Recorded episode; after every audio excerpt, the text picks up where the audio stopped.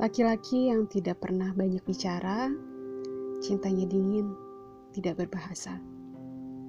Tidak pernah bertanya, walaupun sebenarnya ingin bertanya, karena takut melukai hati gadis kecilnya.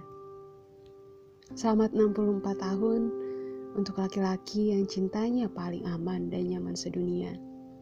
Terima kasih sudah membersamai dengan penuh cinta.